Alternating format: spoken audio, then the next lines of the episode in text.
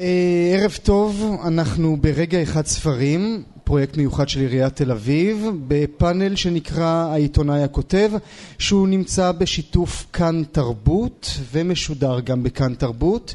נמצאים, אני גואל פינטו ונמצאים איתי עומר ברק, עיתונאי שבע, שבע ימים, לחוץ חתונה. שאתה יכול להכניס את זה גם בתור שם חדש שלך. עומר לחוץ חתונה ברק. אמיר ארבעה אבות זיו. שלום. גם אתה יכול להכניס את זה. וענת לב כותבת אדלר מוחקת אהבה. זה קצת סבוך יותר. אנחנו נתרגל. אז כן, עומר ברק, אמיר זיו, ענת לב אדלר, ואנחנו נדבר באמת על פי הכותרת על העיתונאי הכותב, ונתחיל, אנחנו נמצאים עכשיו בשבוע הספר, נתחיל באיך אתם מרגישים בשבוע הספר כשאתם עומדים כמו חבורת קלושרים ומנסים למכור את הספרים שלכם. בבקשה תאהבו אותי, בבקשה תאהבו אותי. תראה, אני אומר,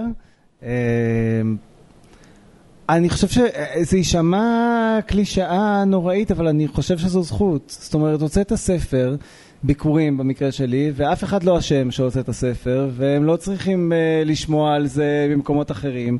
ובניגוד לחנויות, בשבוע הספר אנשים, זו, זו לפחות ההבחנה שלי, באים קצת יותר באמת לזכור, להסתכל, לראות מה הם פספסו, והם באים הרבה יותר פתוחים לצאת מאזור הנוחות שלהם ולגלות ספרים שהם גם לא כל כך בז'אנר mm-hmm. שלהם. וזה תענוג לדבר עם אנשים, ובמקרה שלי גם דיברתי עם המון אנשים שבאמת קראו את הספר, ופתאום המספרים האלה שההוצאה שולחת לך הופכים ל... אתה יודע, אנשים אמיתיים. בשר, כן, אנשים בשר ודם. וזה כמובן בתור מי שהיה ילד בשבוע הספר, אהבתי נורא להסתובב פה ולראות סופרים חותמים על ספרי. ופתאום לשמוע את השם שלך, ועכשיו חותם על רב המכר שלו, לחוץ חתונה. אמיר, התחושה שלך?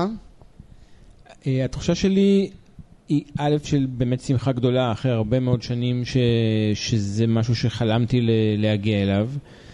אבל בו בזמן היא מאוד מלחיצה, הערב הראשון שלי כאן היה מאוד מלחיץ, אתה עומד מאחורי הדוכן, במקום שחלמת לעמוד בו, ואנשים עוברים ולא כולם קונים. שזה... ולמה אתם לא קונים, בני אדם? זה בדיוק מה שאתה רוצה לומר לכל אחד ואחד מהם. עד שאתה מבין שבאמת, כמו שעומר אמר, הם באים לראות ולהריח ולמשש, ויש... אבל אתם נורא חמודים, אתם לא, לא, אתם לא, לא הרגשתם כמו... החוויה שלי הייתה נוראית, אתם כאילו נורא יפים ומצליחים, אבל את לא מרגישה כמו... מישהי שמוכרת את עצמה, בבקשה תאהבו אותי, כתבתי ספר, אתם תמות. אני מהיום שנולדתי מוכרת את עצמי, בבקשה תאהבו אותי. מה, יש, יש עיתונאי במקצוע שהוא לא במקצוע כי הוא בבקשה, בבקשה תאהבו אותי. זה, עיתונאי זה לא, מצב נפשי. לא, כי הבנים נורא עם פאסון. לא, אז אני, בשביל זה אני פה. אוקיי, אני עיראקית, שהזמנו אותך. הנה, הגענו לזה. הגענו לזה ועוד לא התחיל. אוקיי. כמי שעומדת בדוכני שבוע הספר מגיל 17, כי את ספר השירים הראשון שלי הוצאתי בגיל 17, והספר שנקרא שירים לא משקרים, היה עמוס בשירים שכתבתי כילדה לעודד מכניס. אוקיי. ואף אחד לא ידע שזה היה שירים לעודד מכניס. כולם חשבו שזה שירים לאיזה אהוב או לאיזה חבר, ואז אמרתי, טוב, אני צריכה להוציא ספר שירים, לקחתי את כל השירים לעודד. צריכה, זה כן, צריכה, אני צריכה. כי אני במגמה ספרותית, ערכתי את העיתון של הבית ספר, כאילו זה היה כזה מין שלב כזה ב... ואז אה, אה, הספר עמד על הדוכנים של הוצאת צער, אני הגעתי למכור את הספר, ילדה בת 17, תראה את החוצפה, כאילו, ופתאום אה, אני רואה מולי את עודד מכנס. וואי עכשיו, אני עומדת מהצד הזה של הדוכן איפה שמוכרים, הוא מהצד השני עם עינת שאז עוד הייתה חברה שלו, ואני בעצם שנים כותבת מכתבים לעודד מכנס. מי זאת עינת? היא הייתה סטוקרית שלו פשוט. לעודד מכנס בבית מסתבר, זה גיליתי בשנה שעברה, יש שק, שק, עם מאות מכתבים שכתבתי לו.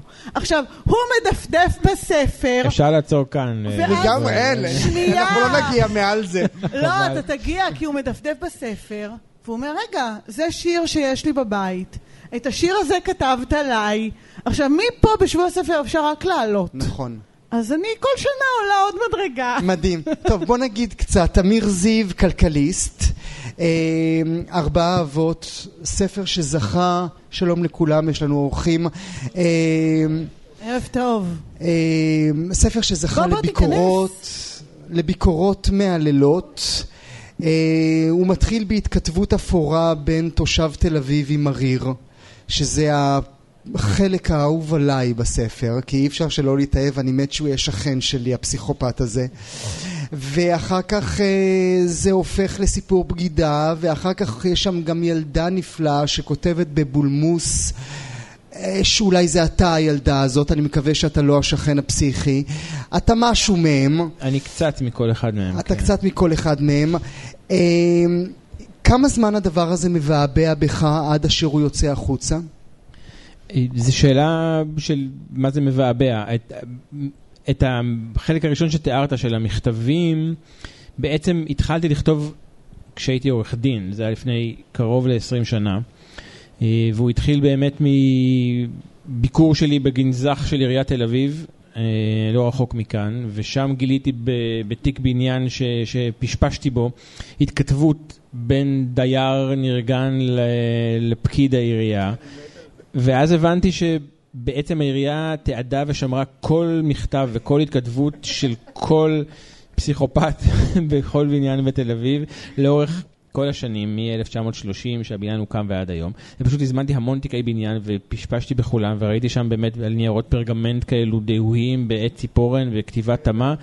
סיפורים מטורפים של אנשים שחזרו מהמלחמה וביקשו אה, אה, עוד חדר, ושל אנשים שהבן שלהם חזר פצוע מהצבא והם רוצים לבנות לו חדר בחדר כביסה על הגג, ואין סוף, וזה ממש, אפשר לבנות שם ספרייה שלמה מהדברים האלה. ואתה מבין שהדבר הזה יכול להיות חלק נכבד מספר? ואני מבין שזה מיד הצית בי איזה משהו, והתחלתי, בעצם המכתב הראשון בספר הוא כמעט אותנטי, הוא כמעט אחד לאחד אה, בשינוי שמות וכתובת, המכתב שגיליתי שם, ומשם המשכתי כבר... אה, המכתב בספר שלך זה מכתב אמיתי? זה מכתב אמיתי, יש לי עותק שלו בבית. יואו. כן, זה יואו. הראשון, כן. שבאמת דייר התלונן על שכנה, זה לא כל כך... כבר היה שווה, אחרי מכנס עברנו לזה. עומר, אני מאוד מקווה שאתה מכין לנו סיפור סיפור.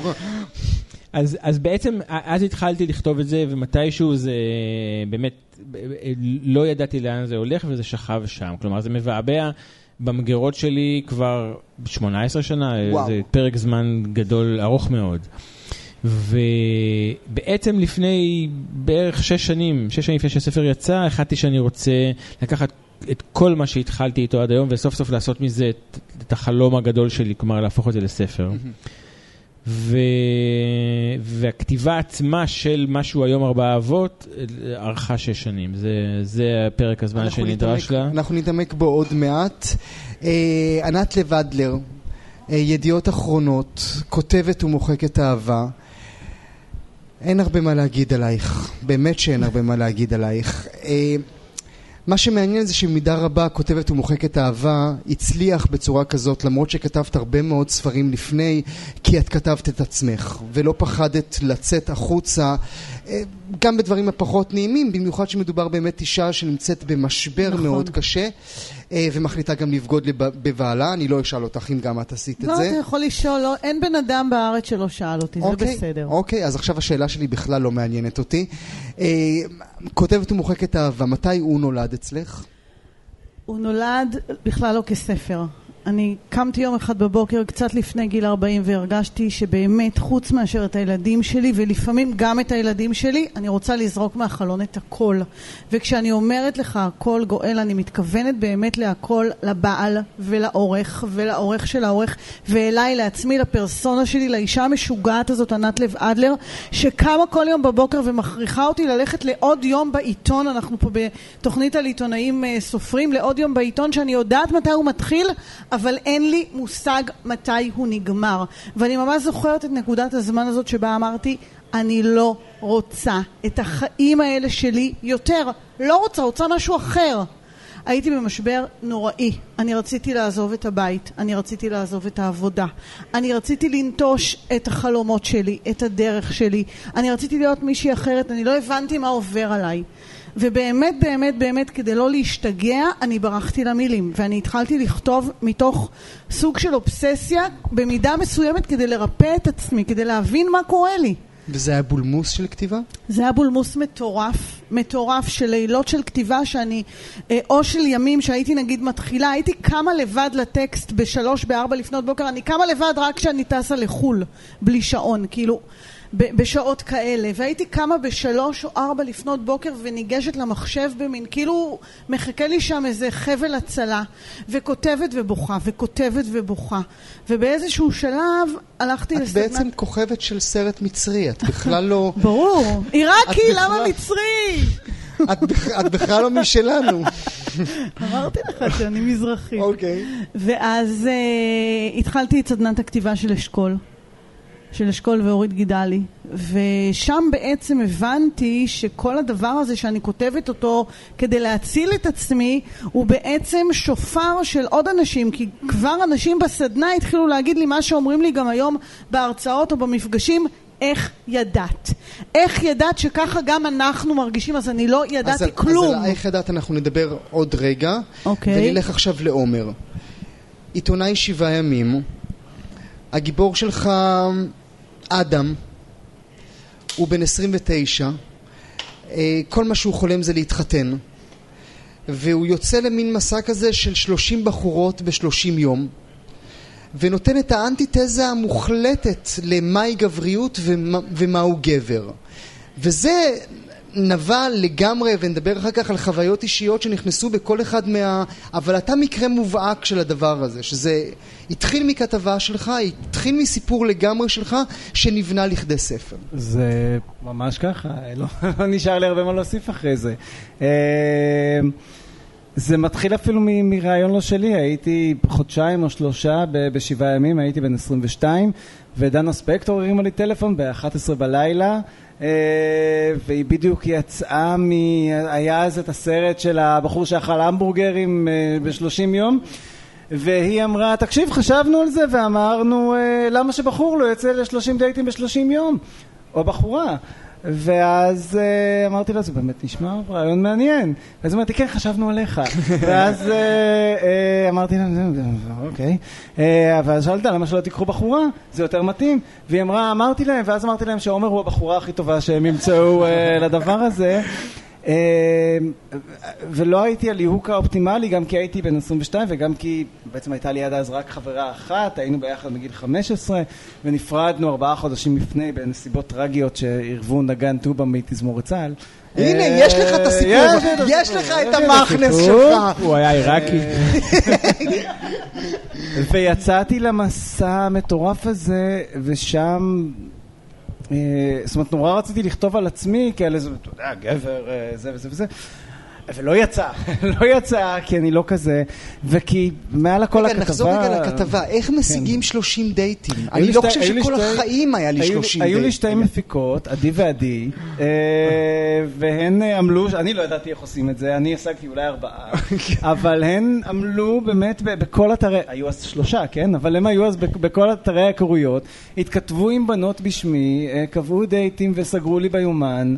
אה, חבל שזה לא המשיך הסידור הזה גם אחרי הכתבה הזאת. אה, אבל, אבל ככה, אבל, אבל, אה, אבל ככה. וזה כלל הכל? כאילו ארוחת ערב ודרינקים, היה לי, היה לי יותר, יותר, נדיר, יותר נדיר משתי מפיקות, היה לי מה שלא קורה היום בעיתונות יותר, היה לי, היה לי כרטיס אשראי פתוח, היה לי, עכשיו... לא, עכשיו, הלכתי למקס ברנר כי הייתי בן 22 ומפגר, אבל, אבל... אבל, אה, אבל העיתונאים שכאן ידעו להעריך את הדבר כרטיס אשראי פתוח ב, ב, בעיתון. אז בואו נדבר על העיתונאים ונמשיך אחר כך עם כל אחד ואחד מהיצירות שלכם.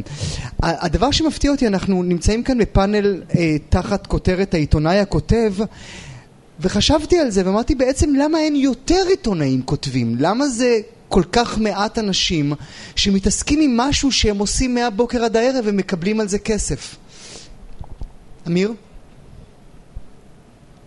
זאת אומרת, למה אין יותר עיתונאים שכותבים נכון, ספרים? אני כן. חושבת שאין עיתונאי שלא כתב ספר, על מה אתה מדבר? לא, בוודאי לא בכמות ש, ש, שסובבים אותם. אני חושבת שהיום, אם תסתכל אחורנית, יש הרבה הרבה יותר, וזה רק הולך וצומח, ויש יותר ויותר עיתונאים... זה אומנות uh... שצריכה להיות הרבה יותר מאשר uh, שנקושש uh, כמה שישבו uh, בפאנל כזה. אני, אני חושב שזו uh, אומנות, זאת אומרת, זה נראה דומה, אבל זו אומנות... אה, מאוד אחרת. ואם... אה, כתיבת כתבת מגזין, גם בשבעה ימים, בוודאי היום, כתבת מגזין היא 1,800, 2,000 מילה, הספר, הספר שלי לפחות היה 72 אלף. מדובר... וספרת כל מילה ומילה. וספרתי כל מילה ומילה, אה, מחקתי 25 אה, אלף, לא 25. אה, זה נראה דומה. זה לא, אני כן חושב ש, ש, שכעיתונאי יש לך נקודת פתיחה, זאת אומרת, התהייה במקום, כי כעיתונאי יש לך נקודת פתיחה הרבה יותר טובה. א', אתה מאוד מיומן בלשבת מול המחשב ולכתוב, אתה מכיר את משמעות העניין של דדליין, זאת אומרת, אתה כן יכול להגיד לעצמך עוד חודש אני אהיה בככה וככה ואחרי כמה שנים במקצוע אתה יותר, קצת יותר טוב בזה, לא תמיד, אבל אה, זה, וג' אתה, אני חושב שזו האיכות העיקרית של עיתונאי ובגלל זה התהייה הזו במקום, אתה כן יודע מה סיפור טוב, mm-hmm. כי אתה עסוק כל היום בלחשוב מה סיפור ומה לא סיפור. אולי לא תמיד אתה יודע לספר את הסיפור, ואתה אמיר, מתי הבנת שאתה יודע לספר את הסיפור שאתה רוצה לספר? הרבה לפני שנהייתי עיתונאי, זה, עיתונאי זה במקרה, כלומר, אני בעצם ידעתי שאני יודע לכתוב, וידעתי שאני רוצה לכתוב, והתגלגלתי לעיתונות, אה, אמרתי קודם, אחרי שהייתי בכלל עורך דין, כי הבנתי שאני לא עושה את מה שאני אוהב, וזה לכתוב, והתחלתי... אה, בראש אחד, לא נעים להגיד, אבל... איך לא נפגשנו? באיזה שנה? לא נפגשנו, זה היה, אה, מתי זה היה? 98, 9, משהו כזה? אה, כבר הייתי בידיעות. כן. מורגנשטרן. כן, והלכתי רק מכיוון שאהבתי, מישהו הסכים שם שאני אערוך כתבות של כתבים צעירים, ומזה זה התגלגל, ובעצם כך גם התגלגלתי לעיתונות. כשקיבלו אותי לגלובס, הייתה התחנה השנייה שלי, זה היה מכיוון שידעתי לכתוב ולשכתב כתבות של אנשים אחרים, וזה היה מה שידעתי לעשות. אבל בעצם רציתי לכתוב את הספר הזה, או הספר בכלל, או כתיבה בכלל, מאז ומעולם. ואני חושב, קצת תומר נגע בזה, הכתיבה, א', היא, היא מאוד שונה. ואפילו יותר מזה שהן לא קרובות, אני חושב שכתיבה עיתונאית היא המון פעמים מעצור בדרך לספר שלך. אני מסכימה היא, איתך. היא, היא משהו שאתה, יש לו אורך נשימה כל כך שונה, וקהל יעד כל כך שונה, וקצב כל כך שונה, שדווקא המעבר הזה מלעשות את הסוויץ' הזה מה... מה כתיבה מהירה, היומית או השבועית, אה, למשהו שיש לו... האוטומטית אה, אולי אפילו. האוטומטית, כן. למשהו שהוא דורש כל פעם להתחיל לחפור אצלך ול, ולהרגיש ולהבין ולאבד. זו כתיבה כל כך שונה שאני מוצא את, ה, את העיסוק העיתונאי כ, כמעצור בדרך לשם. גם את. זה מאוד נכון. אני כל פעם זוכרת אה, אה, את דובי, דוב אייכנוולד, המנכ"ל של הוצאת ידיעות ספרים, שהוא אומר לי, תרגעי. אנחנו עושים ספר, לא עיתון. זה לא צריך להיות מוכן מחר בבוקר. עכשיו אני אה, עוד 30 שנה בידיעות, מתוכם 20 שנה במוסף יומי. כל יום יש לי דדליין. וזה מטורף, הקצב הזה, המיידיות הזאת, ולכתוב ספר זה בדיוק הפוך. אם בעיתון אתה עומד כל הזמן מעל הראש של הגרפיקאי ונו נו נו זה סוגר, זה לא סוגר, זה סוגר, זה לא סוגר אין דבר כזה בספר אבל מצד שני אני יכולה להגיד שאחת התכונות המאוד טובות שלקחתי מהעיתונות לכתיבה זה את היכולת למחוק, ולא סתם הרומן שלי נקרא כותבת ומוחקת אהבה, כי בסדנה שלמדנו אצל אשכול הוא אמר, וזה משפט שתפס לי את האוזן, שהרבה יותר חשוב ממה שאנחנו כותבים זה מה שאנחנו מוחקים. וכשאתה עומד מעל הראש של הגרפיקאי וצורחים לך דדליין דדליין ואתה צריך להוריד מתוך כתבה של 1800-300 מילה ואתה עושה את זה בלב קר, אז אחרי זה גם כשאני ניגשתי לטקסט שלי ואמרה לי העורכת צריך פה לחסל דמות, אני יריתי בלי לחשוב פעמיים. אתם חושבים שזה מקרה ששלושתכם אה, מבית ידיעות אחרונות? אתה מכיר עיתון אחר? אני מכיר כמה. אני לא. אתם חושבים? כן. כן. כן? כן. למה? כי לפני, היית, היינו נפגשים לפני עשר שנים, אז הייתי מבית מעריב, ולפני זה אז הייתי מבית גלובס, זאת אומרת... אבל שאלה טובה, תודה. אה, לא, אבל מה, שאלת אם זה מקרי? שאלה מטעה ועם תשובה מורכבת. אם זה מקרי, אני חושבת שבאמת, באמת, בלי להשתחצן, מיטב האנשים בפרינט נמצאים בידיעות אחרונות. בקבוצת ידיעות אחרונות, באמת. אוקיי, okay, אנחנו נחלוק על זה, אבל, אבל בסדר. לא, גם, אני חושב שהיום... יש אנשים מאוד טובים כמעט בכל מקום. הפרינט מתכווץ, ו, ובעצם כעיתונים אה, אה, מז'וריים שמושכים אליהם אה, עיתונאים, בפרינט לא נשארו הרבה, כלומר זה... נכון, נכון. אה, בוא נדבר על אה, מציאת זמן לכתיבה. מתי אתה מוצא זמן לכתוב, עומר? הבאת את המלחייה? לשפוך לנו על הפצעים? אה, אה, אני מצאתי כשהודעתי לידיעות שאני עוזב לכמה חודשים. ולשמחתי גם הספר אה, נרכש אה, לסרט, ומאז לא כל כך שבתי, אז יש לי מלא זמן לכתיבה. אבל אה, אתה יודע, מדבר, מדברים על איזה יום כתיבה, ומדמיינים שאדם יושב בחדר העבודה שלו וכותב 12 שעות, ורק השעון. גם יום כתיבה, לפחות אצלי, אני לא יודע, גם יום כתיבה עמוס, שלוש שעות, ארבע שעות זה יום כתיבה מטורף, והמוח שלך אחר כך אה, זה. זאת אומרת, גם כשאתה מצליח להתפרנס מזה במשרה מלאה, זה לא הדבר שאתה עושה כל היום. זה לא שאתה נכנס לסטודיו, בהנחה ויש לך, בתשע בבוקר ורק בשש בערב, כשהשעון מצלצל, אתה אומר, טוב, כתבתי מספיק להיום. אחרי ארבע שעות המוח כבר לא מתפקד, לכן... לפעמים, לא, לא- לפעמים גם למצוא את הארבע שעות האלה. אני, אני חושב שזה דווקא מסר נורא מעודד, כי גם אם יש לך שעה או שעתיים פנויה, זה הזמן המספיק לכתוב ספר. גם אני, בשיא הכתיבה של החוץ חתונה, שלי ארכה באמת שנה וחצי, אה, באמת השיא היה מהרגע שאמרתי, אה, טוב, הולך. אה, גם ישבתי, אני חושב, מתשע עד 12 וחצי, ונגמר לי הכוח, נגמר לי הכוח. ואתה מהר שנה וחצי. אתה לא עזבת, אמיר? כדי לכתוב. לא, אני לא עזבתי ואני כתבתי א', לכן לאט, במשך זמן ארוך, ואני כותב, אה, הזמן שלי הוא, הוא בלילה, אחרי שהבית נרגע והמשפחה, לפחות הילדים ישנים כבר, אז מ-10 עד אחת, שתיים, זה, ה- אלה היו השעות שבהם אני... גם אז זה לוקח איזה שעה להיכנס ל- ל- לעמוד הנכון, ואז, ואז אפשר לכתוב לפייסבוק. בשקט, כן. זאת ו... בעיה. וזה, אז כך זה היה. אני רוצה לשאול אותך דווקא לדבר איתך על היררכיה של כתיבה. כן. רק יש לי משהו להגיד לך על הפייסבוק, שג'ונתן ספרון פויר אמר פעם שיש לו שני מחשבים, אחד הוא כותב עליו, והשני מחובר לפייסבוק. make sense. היררכיה של כתיבה. אמ, אתם במצב טוב, שלושתכם. רוב הכותבים בישראל אינם במצב שלכם. אה, שניכם רבי מכר, את כבר כמה שנים, אתה מככב ונמ... עומר. עומר. לא, לא, עומר, אתה מככב אה, עם לחוץ חתונה ומוכר ו- והכל נפלא. אה, אתה גם מוכר אמיר ו- וזוכה לביקורות מהלילות. ואני שואל, האם יש, הירר... האם יש דבר כזה היררכיה של כתיבה? האם הצלחה חשובה יותר? האם מכירה חשובה יותר? האם הביקורות חשובות יותר? האם זה בכלל רלוונטי? בעיניי הדבר הכי חשוב זה שאני יושבת בהרצאה ויושבות 40 קורות ובסוף כולן הולכות הביתה בוכות ולמחרת הולכות לקנות את הספר. מה שחשוב לי זה לגעת, להכניס יד לתוך הלב הפועם ולגעת בו. לא מעניין אותי מה כתבו המבקרים וכמה עותקים נמכרו. נכון שזה נורא כיף שמכרתי 50 אלף עותקים, אבל אני לא שאלתי אפילו פעם אחת כמה עותקים נמכרו פה למטה בדוכן, אבל אני זוכרת כל אחת מהאנשים שניגשה אליי ואמרה לי, הפכת לי את החיים. זאת אומרת, אם אין לך קוראים, זה לא משנה מה אתה כותב. הספר מתממש במרחב המאוד מאוד צר שבין העיניים של הקורא לבין הדף של הספר. זה העולם שמעניין אותי, כל השאר לא קיים מבחינתי. עומר? אה, לא, אני, אני מאוד מסכים עם ענת, אה, זה יישמע קצת אה, כאילו, המצאתי את זה, אבל לפעמים זה עדיין מרגיש ככה, לפני שעתיים הייתי פה למטה וחתמתי על ספרים וניגשה אליי אישה ואמרה לי,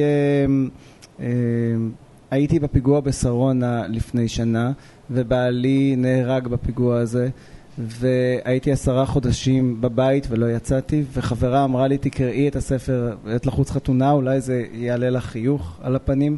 והיא באה לספר לי בדמעות, וכמובן גם אני בכיתי, כי זה הדבר הכי מרגש שקיבלתי עד עכשיו, שבזכות הספר הזה היא צחקה ויצאה מהבית, והיא אף טסה לחו"ל, והיא לקחה אותו איתה לטיסה כדי שיצחיק אותה גם שם.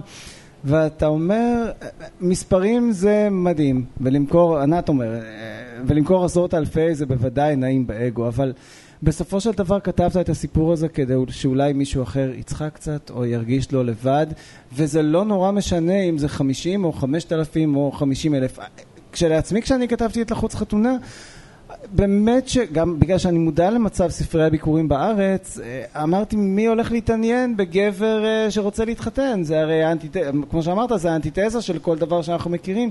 ואני כבר בתוכי השלמתי עם זה שיהיו לזה 200-300 קוראים מקסימום ואמרתי לפחות שהם ייהנו. כך שההצלחה היא, היא by-product של הרצון לגעת בבן אדם בן אדם. ואם הצלחת לגעת במישהו אז זה לא אה, זה לא נורא משנה כמות האנשים שהצלחת לגעת חושב, בהם. באופן אישי אני חושב שאלה משפטים שרק אנשים שמאוד הצליחו יכולים להגיד אותם. אמיר? אה, אני רוצה הכל. זה לא, אין פה, אני, תראה, אצלי זה גם, הכל הוא מאוד חדש, הספר יצא במרץ, זה שלושה חודשים, ואני גיליתי שבכל... אני, אם אני אנסה לומר באופן כן, אז אני חושב שקוראים לזה הערכה. אוקיי? אני רוצה שמישהו יכיר בפועלי. אה, יש לזה כל מיני צורות להערכה הזאת. אני חושב שזה מה שסופרים או אנשים שכותבים מחפשים. כלומר, היא יכולה לבוא בצורה של אה, ביקורת אה, אינטליגנטית שאומרת זה טוב, בצורה כזו או אחרת. היא יכולה לבוא גם. פנייה בפייסבוק שמישהו כותב לך קראתי והנה למה אהבתי את זה והיא יכולה לבוא באמת אה, במפגש פה למטה ב, ב, ביריד עם אנשים שקוראים ומביעים הערכה, מביעים הערכה למה ש... אה, אני חושב שזה, מבחינתי זה מה שאני מחפש. זאת אומרת שמישהו יבוא, יבוא ויאמר וואלה זה, זה טוב הדבר הזה. אה, ויש לזה, שוב, לכמויות יש כמובן אה, הם אינדיקציה להערכה, וביקורות הם אינדיקציה להערכה, ותגובות הם אינדיקציה להערכה, והכל הוא למשהו שבעיניי הוא, הוא המפתח להכל, זאת אומרת שזה, שזה יהיה שם. אם זה לא שם, אז... את חושבת שחלק נכבד מההצלחה שלך, אולי גם של עומר, קשורה לעובדה אה, האוטוביוגרפית של היצירה? אני חושבת שהעובדה שה, שהספר שלי נמסר אה, ממקום מאוד, אה, שמעתי את המילה אמיץ הרבה פעמים, אבל ממקום מאוד אמיתי של באמת להכניס את הקורא פנימה לתוך הסדק, לתוך השבר, אה, זה, זה מדד מאוד גדול בהצלחה, כי אנחנו חיים היום בעולם מאוד מפולטר, והכל כזה, אתה יודע, באריזות, והאותנטיות בעיניי היא המטבע המנצח בסופו של דבר. אנשים מחפשים אותנטיות, ובספר שלי יש המון אותנטיות. ואיזה סופרת אמרה פעם, ישראלית, אני לא זוכרת מי, וסליחה, היא אמרה, פחות מאמת אין טעם לכתוב. אז נכון שאמת היא לא דבר אבסולוטי. הרי יש לה, לאמת תמיד, רואים אותה מכל מיני כיוונים. אבל הרגש האמיתי, זה מה שאתה צריך למסור לקורא. זה לא באמת משנה אם קרה א', ב', ג', אבל את הרגש שנוצר בך בעקבות הדבר הזה, אתה צריך למסור בצורה אמיתית. וכשאתה עושה את זה, הקורא מרגיש את הדבר הזה, והוא מתחבר. וזהו, אני לא צריכה יותר מזה. א', אני מאוד מסכים עם עמיתתי אה, פה אה, לגבי עניין האמת, כי אם יש דבר אחד שאתה מגלה הוא שבאמת קוראים יודעים להרגיש מיד אם משהו אמיתי או משהו שקר, אבל אני כן אגיד לך משהו לגבי, אני חושב גם הספר שלי וגם הספר של ענת שמאוד קשור לעובדה שאנחנו עיתונאים, והיא שאנחנו יודעים ש, שהסיפור הוא מה שמשנה. יש עלילה נרטיבית מאוד בשני הספרים האלה ועם כל הכבוד למילה הכתובה המון כותבים אתה יודע מתחילים להתאהב במילים של עצמם או ללרלר את עצמם לדעת והספר הולך לאיבוד. ואני מאוד רוצה להאמין ש, שההצלחה של, של, של שני הספרים האלה ו, ו, וגם במקרה של אמיר שהוא, שהוא ספר מעולה הסיפור הוא מה שמוביל אותם כי אנחנו תמיד יודעים שעם כל הכבוד לנו ולאמת שלנו עדיין קורא רוצה סיפור, הוא רוצה סיפור טוב. ובכל זאת שאלת האוטוביוגרפית, האוטוביוגרפיות רלוונטית במקרה שלך כמו במקרה של ענת. בוודאי שהיא רלוונטית, ויותר מזה אני חושב שבמקרה הספציפי שלי, שהתמזל מזלי ומגיל 21 כל מה שאני עושה בשבעה ימים זה לכתוב על החיים שלי, שולחים אותי למיני מקומות וזה, וזה בעצם הדבר שאני עושה. אמ, אני מאוד משופשף בדבר הזה, ועם השנים פיתחתי איזושהי מערכת יחסים עם, עם קוראי ידיעות. אה, שבהם, אתה יודע, אני מספר על, על, על דימוי הגוף שלי, הבעייתי שלי, ואני מספר על זה שאני נורא רוצה אהבה ונורא רוצה להתחתן. גם ענת כותבת אה, טורים אה, אישיים המון. החיים שלנו פרוסים המון שנים על, על, על הדף. ולכן אולי זה לא מפתיע שזה עבר גם, גם לספר. עוד מילה ענת? כל הזמן שואלים אותי, מה עם הספר הבא? הרי באמת, אחרי כזאת הצלחה, הוא היה שלושה חודשים בחוץ וכבר שאלו אותי מה עם הספר הבא. עכשיו, צריך להבין משהו, כותבת ומוחקת אהבה, אני לא ישבתי לכתוב אותו. הוא הכריח אותי לשבת לכתוב אותו, הוא כתב את עצמו, הוא התכתב מעצמו. ועד שזה לא יקרה לי שוב, לא יהיה ספר הבא. לא יהיה ספר הבא. אני גם לא בטוח. אה, אמיר, אה, אתה אומר שהדמויות... עברו ארבע שנים.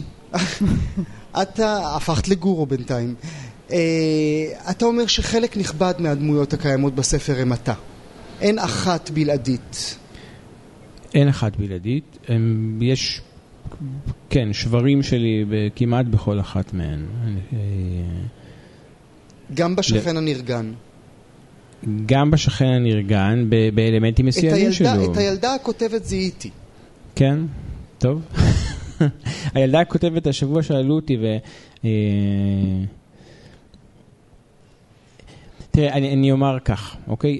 כולם הם בני אנוש, ויש להם, אה, הם מביעים אה, רצונות, אכזבות, תשוקות, החמצות, הם, הם, הכל נמצא בתוכם. ו, אה, וגם אצלי יש את, את כל המנעד הזה של התחושות, וה, וכל אחד קיבל קצת, כלומר... אה, כל אחד קיבל את ה... אה, קצת מ... כשישבתי לכתוב זקן נרגן כזה, הייתי צריך לנסות לנחש או להבין או להרגיש איך מרגיש אדם בן 64, קרוב אל מותו, אה, שמת פעם אחת נוספת להרגיש את, את השכנה שלו לידו אחרי שהוא איבד את אשתו ו, ואין לו את זה. עכשיו, אני לא בן 64, אין לי שכנה למעלה, כל, כל זה לא קיים, אבל כן קיימת ההבנה של מה זה להחמיץ אהבה. אה, כי אלה דברים שקרו לי ואני מתאר לעצמי שלרוב האנשים או הקוראים או הכותבים. ו... ושם זה נמצא, כן, היכולת לנסות להבין מה הוא מרגיש שם כשימיו קלים וזה הצ'אנס האחרון שלו וזה איננו וזה מרתיח את דמו והרצון שלו לנקום באיש הזה שעושה את זה במקומו, גם הוא קיים אצלי, והרצון אה, גם של האיש הזה שבמקומו לבוא ולהגיד לו, תראה, אני הצלחתי ואתה לא, גם זה קיים, זאת אומרת, זה... אין ברירה אלא שזה יהיה קיים אצלך, כי אחרת אין מאיפה להביא את זה. ואולי באמת זה הזמן לשאול את כל אחד מכם, נתחיל בך, אמיר, עד כמה העובדה שאתה נחשף מפחידה בהיותך מישהו שהשם שלו מוכר? היא כבר לא מפחידה, ואולי זה דווקא כן יתרון של העיתונות. כלומר, כבר את החשיפה האישית בשם שלי, עם הסיפור האישי שלי והמחשבות שלי והתחושות שלי והחולשות שלי כבר שמתי קודם בעיתון אה, במשך שנים שכתבתי בעיקר בתקופה שלי בכלכליסט, בשנים האחרונות. ואם הייתי צריך להיחוות ונכוויתי זה היה שם. וכאן דווקא זה שלא קוראים להם אמיר לדמויות אלא קוראים להם כל מיני שמות אחרים, זה כבר היה יותר קל. אה, וגם אנשים שמכירים את כל סיפוריי האישיים אה, מהעבר לא ידעו לזהות באופן מובהק איפה זה אני ואיפה זה דברים אחרים, וזה היה לי, זה לא, זה לא היה קשה במקרה. מהבחינה הזו זה כמעט לא היה בעיה. עומר? אה, אני, אני מנסה לחשוב, אני לא... אני לא חושב שהחשיפה מפחידה אותי בכלל, להפך, לפעמים זה מרגיש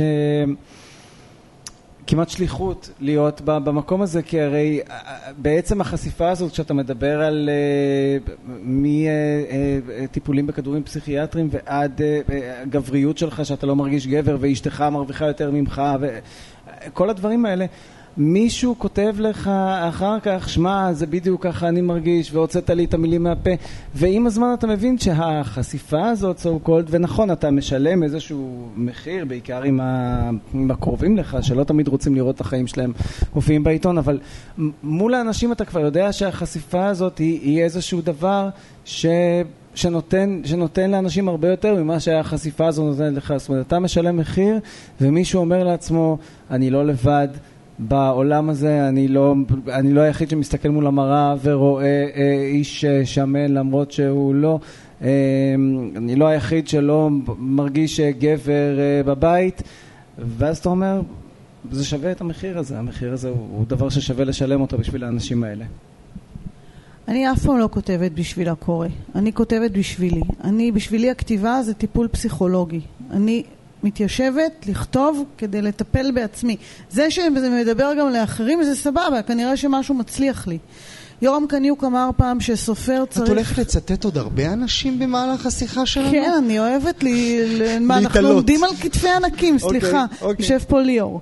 אה, יורם קניוק אמר פעם שסופר צריך לכתוב את מה שהלב רוצה, באופן שבו הלב רוצה, ובלי לדפוק חשבון לאיש.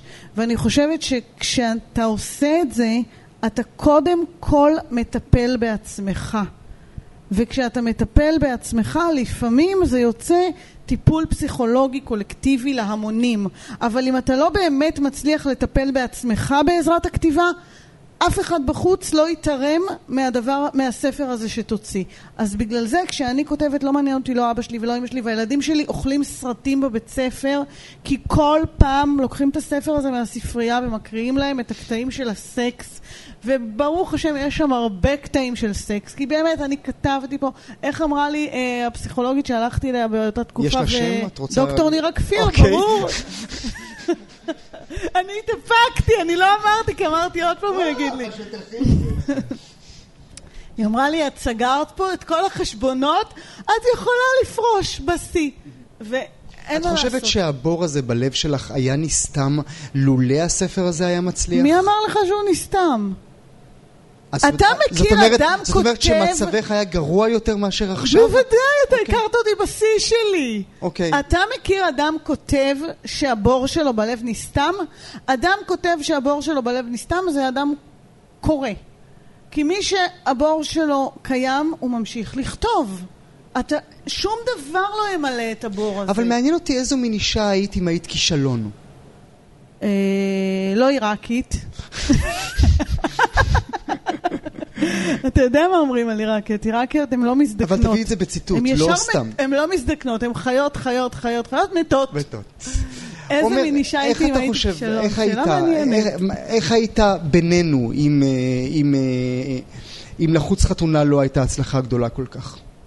אני, יש לי כמה דברים להגיד על זה. אה, אני... א', זה, זה באמת, מה שקורה עם לחוץ חתונה הוא באמת מעבר לכל החלומות הכי גדולים שהיו לי, אבל אני חייב להגיד שהתחושה הכי טובה שלי בקשר לספר הזה הייתה כשכתבתי את המילה סוף. כי, כי, כי כשאתה עובר את התהליך הזה, באמת, אתה לא יוצא אותו בן אדם, ובגלל זה אני אומר שההצלחה היא by-product. אתה, אתה מתחיל לכתוב משהו שהוא מסמך ארוך של מאות עמודים, ואתה מסיים אותו, ויש לדבר הזה התחלה, אמצע וסוף, ואיזושהי הוצאה רוצה אותו, ואתה אומר... עשיתי משהו ש... ש... זה כמו לטפס על האברסט. ואם אתה הופך להיות ויראלי אחרי שטיפסת על האברסט זה נעים, אבל עדיין עצם ההישג הוא בזה שטיפסת על האברסט, ו- ו- ועוד יותר מזה, אני חייב להגיד שנכון, לחוץ חתונה הוא, הוא, הוא הצלחה, וזה עדיין לא משנה כלום כשאני אתיישב, אני יושב לכתוב את, את ספרי הבא, שלא יהיה בשום אופן המשך ללחוץ חתונה, ויכול להיות שהוא ייכשל, ויכול להיות שהבא אחריו יצליח, ויכול להיות שהבא אחריו ייכשל, וככה נראית קריירה ספרותית. והצלחה או כישלון לא אומרת שום דבר, ועצם ההישג הוא בעצם הטיפוס. זאת אומרת, אתה יוצא למסע שתחזור ממנו אחר, ובכלל לא משנה אם כמה הוא מכר ומה הוא מכר. אה, ושוב, כסופר ביקורים אתה מכין, אני זוכר את עצמי עומד בהוצאה כשמשאיות אה, מביאות אחרי שלושה שבועות, כמה זמן ספר מחזיק על במה מרכזית אה, בזה. משאיות חוזרות עם, עם, עם אלפי עותקים שיצאו רגע ממכונת הדפוס כי הספר לא מכר בשוק הספרים הפרוע שלנו. אז אתה אומר, אוקיי, יכול להיות שהספר נורא טוב, ויכול להיות שזה פוקס מוחלט, ו... ו... וזה לא משנה יותר מדי. מה שמשנה שהתחלת משהו וסיימת אותו, ואיזושהי הוצאה אמרה לך כן, כן וזהו. אה, אמיר, אולי שאלה אחת לסיום ככה לשלושתכם. אה, אתה תופס את עצמך כסופר? היום כן. מכיוון שזה אה, תהליך שהתחיל ו- ו- והוא כבר ממשיך הלאה, כלומר, אני, אני מאוד זהיר ב- ב- בשימוש בביטוי הזה, כי, כי אני מאוד מאוד מאוד אוהב ספרות וסופרים, ובעצם זו האמנות שאני כפי שאמרתי, מאז שאני ילד הכי מעריך ו- ורואה בה אה, איזושהי מתת ש- שלא לכולם יש אותו. ו... מתי הרשית לעצמך לקחת אותו עליך? לפני שבוע. שבוע? כאילו, זאת אומרת, זה ממש עכשיו, כי אני, אני פתאום, אה, אני מבין שזה באמת אה, ספר ש... ש... שהוציא החוצה משהו שידעתי שיש אצלי והמון המון שנים חיכה עד שהוא כמעט נרקב ויצא בסופו של דבר, ועכשיו אה, יש עוד לתת ולהוציא, ואז כשאני מסתכל קדימה אני אומר זה, זה ימשיך, ואז בזהירות, ממש בזהירות אני אומר כן, אני, אני כבר אפשר להגיד סופר. ואתה אומר, תופס עצמך כסופר? לא, אני uh, נורא רוצה. אני סטורי טלר, אני אוהב לספר סיפורים ובכל פורמט uh, שלא יהיה אני אשמח, uh, אני אשמח מאוד מאוד מאוד לספר אותם. אני, אתה יודע, ענת דיברה פה הרבה על, על אשכול נבו, שבאמת גם... היא בינתיים דופקת פוזות למצלמה. אה, אוקיי, לא, שלא תחשוב, אוקיי, כי היא לגמרי משרבבת שפתיים עכשיו, נכנס אה. עכשיו פשוט צלם. בוא ניתן לעומר, בבקשה. לא, אני, אני, הייתה לי הזכות הגדולה להיות מלווה על ידי אשכול נבו, באמת מהמילה הראשונה של הספר הזה ועד לדראפט השמונה עשרה שלו. ואתה יודע, אני מסתכל על אנשים כמו אשכול... לא, בלתי נסבלת. דופקת זה פשוט, אוקיי. אה, ואני אה, חושב על אנשים כמו אשכול, או כמו... אני חושב שסופר זה אדם שנמצא בספר השלישי או הרביעי שלו וכבר אומר, זה מה שאני עושה. ואני מאוד מנסה עכשיו לכתוב את הספר השני, וזה קשה. ואני חושב שיש עוד זמן, בינתיים אני מחבר הספר, ואני בסדר גמור עם זה. ענת.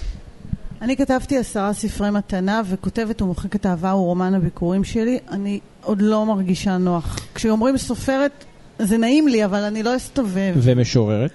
אה, אני כותבת שירים. ומכנס. ומכנס, ברור. התחלנו עם משוררת. התחלנו עם עודד מכנס, אה, כן. צרויה שלו היא סופרת. כאילו, אני אה, אישה של נשים שנוגעת בנשים בכל מיני דרכים שהמרכזיות שבהן זה מילים, ובספר יש גם הרבה מילים. ונחכה לרומן השני ונראה אם... לשני? כן. שיקרה פעם? כן, כן.